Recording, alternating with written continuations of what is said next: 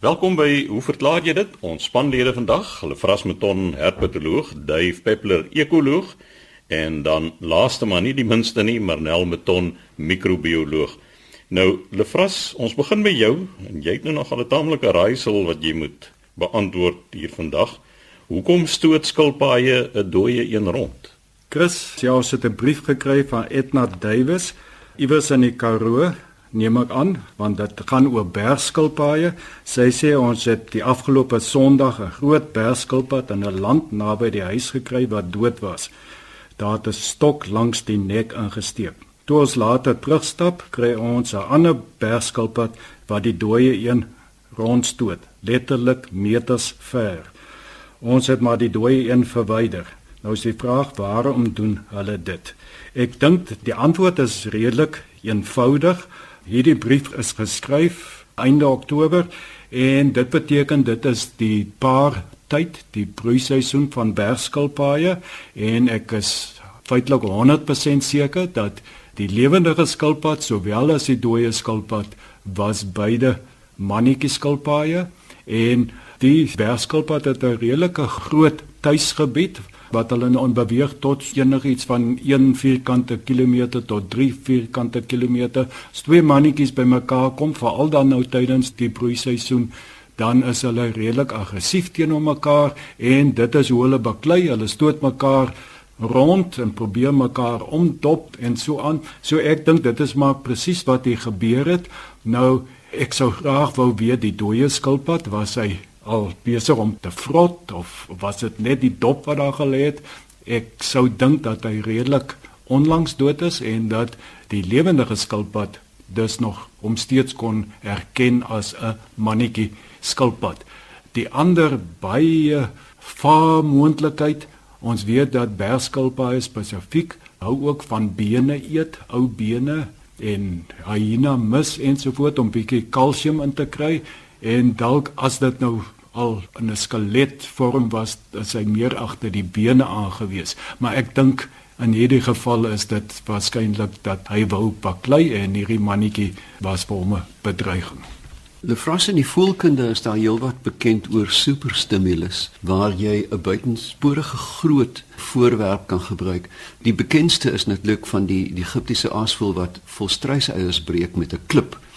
Nou as jy 'n fopeier maak so groot soos 'n hondehok, dan gaan jy hom ook probeer breek. So 'n mens moet ook kyk na die relatiewe grootte van die skilp wat miskien was een kleiner en hy's gesoeper stimuleer deur die voorkoms van hierdie ander mannetjie in sy gebied.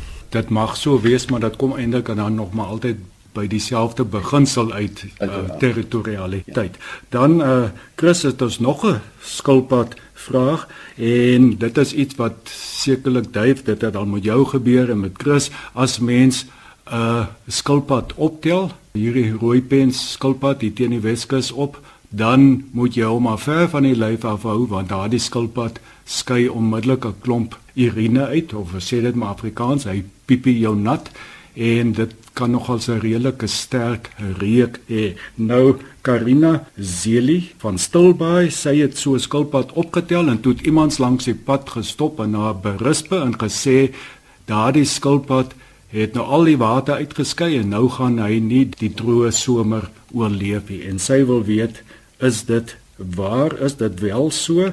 En sy sê daardie water is tog nou oortollig want by die mens kan as die water eers in die blaas is, kan dit nie weer geherabsorbeer word nie. Nou skilpaaie is baie interessant en dit is nie net skilpaaie, ook meeste akedisse, ook paddas, hulle het 'n blaas, maar daardie blaas is nie direk aan die niere verbind nie. Die blaas is maar net 'n uitstulping uit die spysverteringskanaal uit die kloaka uit met ander woorde die laaste deel van die spysverteringskanaal. So oortollige water word dan in hierdie blaas gestoor en ja, hierdie water kan geherabsorbeer word. In baie gevalle veral by skilpaaie wat in woestyne voorkom, word daardie water weer later gebruik. Maar in hierdie geval is dit hoogs onwaarskynlik dat hierdie skilpaaie wat jou nou nat piepie dat hulle nou ernstige probleme gaan ervaar Want die rede hoekom ek so sê is dat skilpaaie normaalweg sal as daar baie water is, dan skei hulle die stikstofafvalprodukte in die vorm van urium uit, net soos by die mens en daarvoor het hulle water nodig. Maar wanneer water skaars is, dan kan hulle urinesuur uitskei soos by voëls en akedisse. Met ander woorde dit is daai wit soliede pasta. Daarvoor het hulle geen water nodig nie en 'n skilpad kry redelike vog deur die plante in wat hy eet. Hy het min water nodig. Hy kry ook water deur die metaboliese die afbreking van die plante. So hy het eintlik min water nodig.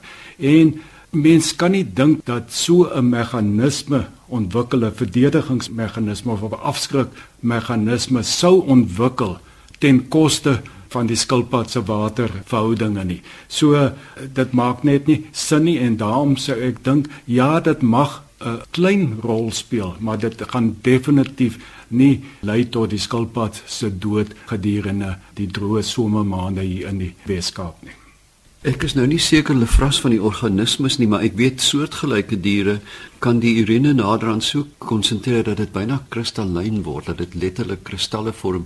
Is jy bewus daarvan? Ek probeer nou net dink aan watter dier dit is, maar van hierdie diere wat hierdie urine retensie het, kan die water in 'n so mate onttrek dat hulle byna kristallyne urine afskei. Kyk, soogdiere het mos nou die vermoë om redelik die urine te konsentreer reptiele het nie daardie vermoë nie. Hulle het mos nou nie hierdie lisse, lang lisse van Henley nie, maar hulle sit dit om in die urinesuur wat natuurlik 'n vaste stof is in elk geval. So ek dink nie hieso is dit nou ter sake nie. Die vorming van urinesuur is meer energeties duurder as om nou urium uit te skei, maar dit is 'n klein kostetjie. Aldus Lefras Meton, ons herpetoloog, Manel Meton, microbioloog, Manel, hoe het hulle die eerste mikroorganisme ontdek? Dankie Chris, dis 'n lang storie. Ek gaan net so 'n stappie terugneem. Omtrent 2000 jaar gelede het die Griekse filosoof Aristoteles lewende organismes geklassifiseer as of plante of diere. Nou op die stadium en vir baie lank daarna het niemand van die bestaan natuurlik van mikrobes geweet nie. Om die waarheid te sê vir baie baie jare het niemand geweet van die bestaan van lewende selle nie. Hulle het ook nie geweet dat plante en diere uit individuele selle bestaan nie. Daar was wel van hulle wat gepraat het en gedink het dat siektes waarskynlik veroorsaak word deur onsigbare lewende organismes soos byvoorbeeld die Romeinse filosoof Lucretius. So daar was sprake daarvan maar niemand het nog ooit 'n mikroorganisme gesien nie. So die eerste mikrobes is laat in die 17de eeu, by 1674 rond vir die eerste keer gesien en beskryf en dit was ook 'n hele storie. Robert Hooke was in daai stadium rondom 1664 die kurator by die Royal Society in Londen. En in 1965 publiseer hy die baie bekende boek Micrography. Nou hierdie boek het talle pragtige sketse bevat van allerlei monsters wat hulle ondersoek het met behulp van die mikroskope wat op daai stadium gehad het. Hy was ook die eerste persoon om die term sel te gebruik in sy beskrywing van die struktuur van kurk, maar hy het ook nie besef dat dit so is vir alle plante op daai stadium nie. So in 1674 daag daar toe 'n pakkie op by die Royal Society in Londen met 'n brief in waarin die outeur te beweer dat hy bewyse gevind het vir die bestaan van 'n geheime of verbergde koninkryk, die sogenaamde Hidden Kingdom. En hy sê toe dat dit nog nooit van tevore gesien is nie en dat dit slegs waargeneem kan word met 'n kragtige mikroskoop. Nou die brief het verder gedetailleerde beskrywings en sketse van hierdie sogenaamde organismes bevat. En die outeur het hulle beskryf as klein diertjies wat kon beweeg en kon swem soos palings en dat daar 'n miljoen van hulle op 'n korrel sand kon pas. Nou hierdie outeur en ontdekker was die Hollandse linnehandelaar Antoni von Leeuwenhoek. Hy was nie eers 'n wetenskaplike nie. So, hy was egter 'n meester in die maak van klein lense en hy het natuurlik hierdie lense gebruik in die bestudering en in die draadtelling van sy linne waarna hy handel gedryf het. Maar hy was ook 'n baie oplettende en nuuskierige ou en hy het um, byvoorbeeld opgelet dat die water van die damme met die seisoene kleur verander en hy het toe van hierdie watermonsters met hierdie klein toestelletjie wat hy basies ontwikkel het, het hy daarmee bestudeer. Nou die klein toestelletjie lyk glad nie soos wat vandag se mikroskope lyk nie. Dit was so 10-15 cm lange koper blaadjie met allerlei stel skroefies en knoppies en daarin het hy nou 'n klein lensie ingemonteer en dan het hy nou hierdie monstertjie daarin gesit. Maar met hierdie klein en aardige toestelletjie kon hy vergrotings van 50 tot 300 keer verkry en dit was baie kragtiger as die wat die mense by die Royal Society op daai stadium gebruik het. En dis toe wat hy nou hierdie swemmende organismetjies waarneem, toe hy nou hierdie monsters van die dam ondersoek. So hy dit beskryf soos volg: This was to me among all the marvels I've discovered in nature, the most marvelous of all. No greater pleasure has yet come to my eye than these spectacles of so many thousands of living creatures in a small drop of water, moving among one another. So hy het hierdie klein organismetjies toe animalcules gedoop want hy was onder die indruk dat hulle net miniatuurweergawe van die regte diere is wat ons natuurlik nou ken. Maar met groot ontdekkings kom natuurlik altyd mense wat teenstand bied en hulle het natuurlik gedink hy hallusineer of iets. So hulle het hom begin spot en hy het daarom gesê I suffer many contradictions and of times here it said that I do tell of fairy tales about little animals. So die brief wat hy aan die Royal Society geskryf het was eintlik 'n hulpkreet om die ontdekking van hierdie klein diertjies van hom te bevestig. Nou die Royal Society, soos ek nou nog gesê het, het omtrent al 70 jaar op daai stadium met hulle al reeds hulle mikroskope gebruik en Robert Hooke was nou die spesialis op die gebied en hy was gevolglik aangesê om hierdie beweringe van van Leeuwenhoek nou te ondersoek. Nou aanvanklik kon hy geen bewys van hierdie klein diertjies of organismes vind nie hy het toe die afleiding gemaak dat sy mikroskoop of nie so doeltreffend was as die van von Leeuwenhoek nie of selfs dat hierdie klein wesens miskien net in Holland voorkom en nie in Engeland nie. So dis 'n baie enaardige afleiding maar in elk geval hy het vasgebyt en hy het onverpoost gewerk vir nog 'n paar weke. Talle verstellings aan sy mikroskoop gemaak, probeer om meer lig in die mikroskoop te kry en na 'n paar weke het hy hulle toe wel gesien. So dit het die lede van die Royal Society natuurlik ongelooflik beïnvloed en hulle het besef dat daar heelwat meer aan lewe verbonde was as wat net met die blote oog waargeneem kon word. Daar was terwyl inderdaad 'n hele wêreld van superklein organismes wat niemand ooit eers van gedroom het van tevore nie. So van Leeuwenhoek is toe in 1680 gelid van die Royal Society verklaar en hy is ook verklaar die amptelike ontdekker van hierdie klein diertjies en aanhalingstekens. Hy was so geïnspireer na hierdie hele seremonie dat hy ook ander goed begin ondersoek het. Hy het nog gekyk na die plaak van sy tande. Hy het sy eie bloedmonsters getrek en hy was die eerste mens om rooi bloedselle te sien en hy het selfs na sy eie spermselle gekyk. So hy was ook die eerste persoon wat dit gedoen het. So het hy nou 'n baie bekende persoon in Holland geraak en um, talle adellikes het hom besoek net om 'n kykie te kry in hierdie geheime wêreld wat niemand ooit van geweet het nie en vir die voorreg om daarin te kyk. So vandag nog word hy dan beskou as die vader in die veld van microbiologie. Daarna het talle ander natuurlik groot bydraes gemaak, mense soos Louis Pasteur wat die teorie van spontane generasie nietig bewys het, Robert Koch wat die sogenaamde Koch se postulate gepubliseer het nadat hy bakterieë direk verbind het met antraks byvoorbeeld. Vandag kan ons mikrobes klassifiseer as pro of eukarioties en val hulle in al drie die domeine van lewe, die bakterieë, die argae en die eukariote. Ek is um, verbaas oor jou uitlatings oor hoe hy was 'n besondere onaangename mens. Hy het mos vir ewig met Newton beklei dat hy enigstens toegegee het aan die Hollander, maar ek moet sê hy was 'n groot gees om dit daarom toe te gee. Hy was 'n besondere onaangename mens. Ek dink hom net daardie eerste mikroskope of die lense, vandag hierdie ou speelmikroskopies wat jy vir 'n kind kan koop En as jy daardeur kyk dan sien jy die grootste mm. raak. So ja. daardie mikroskope moes maar baie pateties gewees het as dit so lank gevat het om iets raak te sien. Ja, ek kyk op daai stadium met hulle goed soos die vlerk van 'n vlieg geteken of sneeuvlokkies, selfs broodmif het hy nogal in sy sketse was pragtig, maar hy het nog nooit dink ek regtig op die mikrofoon. Ek dink hy het gesoek vir dit nie want hy het nie, nie geweet dit bestaan nie. En ek dink van Leeuwenhoek met hierdie bitter klein lensies, sy lensies was later omtrent heeltemal sferies van aard want hulle was maar 'n paar millimeter groot natuurlik. En ek dink dit was net bloot 'n nuuskierigheid wat hom gedryf het tot die punt wat hy nou hierdie gesien het. Ook moet ons onthou die lig wat hulle gebruik het was maar 'n probleem. Hulle het maar eintlik mm. soos 'n tipe van 'n kers gebruik. Van Leeuwenhoek het heeltemal anders gewerk in die sin dat jy die hele toestelletjie kon ophou in die lug. So jy kon heelwat meer lig in die toestel kry as wat hulle nou met hierdie vlammetjie kon doen. En ek dink dit het seker ook 'n rol gespeel, maar mens soek gewoonlik nie vir iets wat jy nie weet bestaan nie, so. En so sê Marnel Meton, ons microbioloog, laaste aan die beurt vandag, Dave Peppler, ekoloog. Dave, swaalkies wat gom gebruik, dit klink verdag. Chris en kollegas, nee glad nie.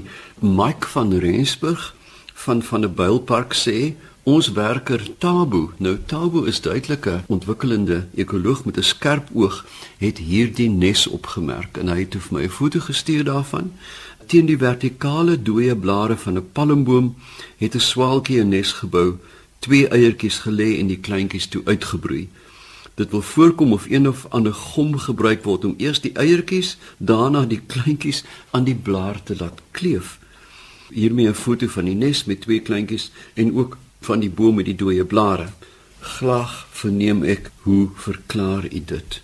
Nou Mike, as ek 'n asfal spookagtige en stil windswaal sien, dan weet ek ek is weg van die huis af, ek is ver weg van die boland af en ek is eers waar daar palmbome in die landskap is. Want wat jy beskryf hier is duidelik die palmwindswaal, een van my gunsteling voels. Nou So klink die palm windswaal.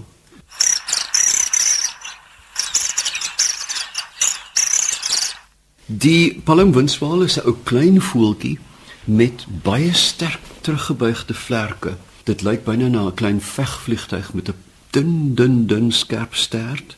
Hulle weeg maar so om en by 14 gram. Hulle is werklik bitter klein en die lyfie is so 15 cm lank. Hulle kom in Sub-Sahara voor van Senegal in die weste tot by Ethiopië waar ek hulle al gesien het, Madagaskar en vreemd genoeg ook die Komoro eilande.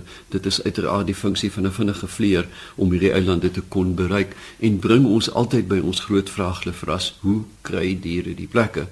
Die antwoord is dat 99% van hulle sterf of vrek in die proses om 'n nuwe woonplek te soek, maar die wat dit tref is dan baie suksesvol. En dan suid tot in Suid-Afrika maar daar's een bepaling en dit is dat daar palms in die landskap moet wees. Nou, ek wag nou al jare dat die eerste windswaals in Woester moet voorkom. Kwessie van tyd en ek gaan hulle daar sien. Maar hierdie swaals is standvoels, met ander woorde, hulle migreer nie uit hulle tuisgebiede uit nie, maar waar dit werklik koud is, sal hulle dan vertikaal migreer tye van die jaar. Hulle is verskriklik koulik en selfs op 'n koelerige nag sal die hele spul saam kook om so energie te behou. Hulle hou van mesies of semi-aride savanna. Mesies beteken effens klam waar daar 'n boerassus of lalapalms is. En daar kom hulle natuurlik dan voor en natuurlik ook in dorpe met inheemse Livingstonia of Washingtonia palms, die klassieke ou palmbome wat ons so mooi in die Karoo sien.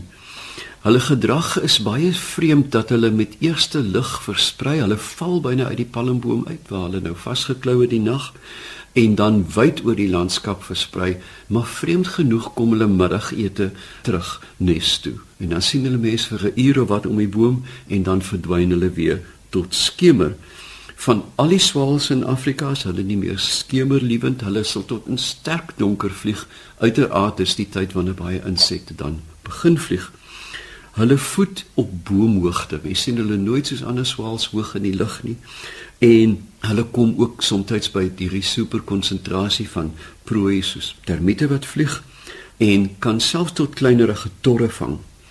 Hulle broeigedrag is interessant dat hulle of enkel lewend voorkom of tot in kolonies van 100, maar gewoonlik so in die orde van 5 tot 10 swaalkies per palm.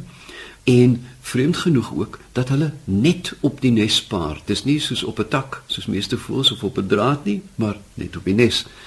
Beide geslagte bou aan hierdie nes wat van vere en plantreste gemaak is wat hulle in die lug versamel. Met ander woorde, Hulle sal nooit van die grond af of van 'n lewende plant, dooie plante, alles word in die lug versamel en hulle het 'n voorliefde vir duifvere. 'n Ander voorliefde is die van aasvoelkolonies waar mens die palmswawels dan sien waar hulle die bors en donsvere van die aasvoels baie bedrywig versamel. Die nesie is 'n baie pieperige dingetjie so 40 tot 70 cm diep, 40 tot 60 wyd en neem so om en by 10 dae om gebou te word en dit word bo teen die stabiele stingel van die palm, nie aan die vingers van die palm gebou nie en dan word die hele kaboedel met speeksel aan mekaar gesit. Dis waar die gom vandaan kom.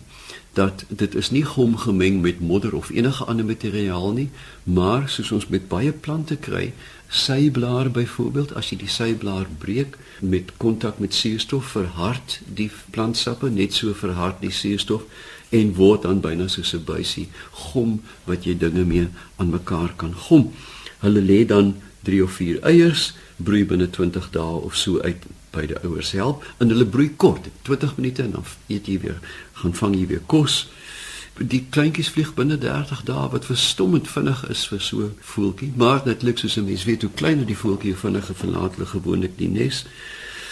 Hierdie soort van gom is nie net beperk tot die palmswabel nie. Ons weet van die afstootlike gebruik in die ooste om hierdie voelnessies sop van te maak. Ek het dit een keer probeer in Londen en ek was vir 'n dag na waar die hele nes eenvoudig van speekseldrade gemaak word. Die mis word uiteraard vir die tyd uitgehaal as jy dit kook, maar die hele konstruksie lyk byna na fyn pasta van hierdie speekseldrade en dis baie voedingsryk. 100 gram van so 'n nesie gaan vir jou omtrent 340 kilokalorieë gee. So dit is 'n soort van 'n eierwit tipiese proteïene wat 'n mens sou verwag. Dis vir my 'n baie lekker vraag omdat ek spesifiek so lief is vir die windswaals. Hulle is hierdie spookagtige diere wat geheimsinnig om jou rondvlieg en dit laat my byna dink aan daai wonderlike titel van Johan de Lange se digbundel Snel grys van toom. Dave, jy het nou gesê hulle versamel net vere in die lug. Dit klink aan vir my na groot vermossing vir energie want hoeveel vere fladder nou rond? En in die Weskaap kan ek verstaan nie aan die einde van die jaar is die suidoos hoe baie as as ek baie vere in die lug. Ek dink evolusionêr lefras is dit nogal 'n interessante gedrag dat die nes so delikaat is omdat dit met speeksel aan mekaar gesit is dat hulle nie kan bekostig om te bou tot op 'n kritiese breekpunt met stokkies soos ander voëls gebruik en dan word hy te swaar nie. Met ander woorde wat hulle ook al in die lug kan versamel is lig genoeg om hierdie konstruksie bymekaar te hou. So ek dink as 'n mens nou regtig wil redeneer, dan kan 'n mens dink aan die ontwikkeling van die gedrag, nê, in 'n stadium het hulle ander materiaal gebruik en soos hulle dit verfyn het met tyd. So ek dink dat omdat hulle so wyd vlieg bewus van bronne van vere, jy sal sien dat hulle veral onder padbrûe waar daar ander voëls broei, hulle sal daar gaan soek vir veertjies as die wind daaronder deurwaai. Maar natuurlik evolusionêr was daar nie baie toe hulle die gedrag ontwikkel het nie.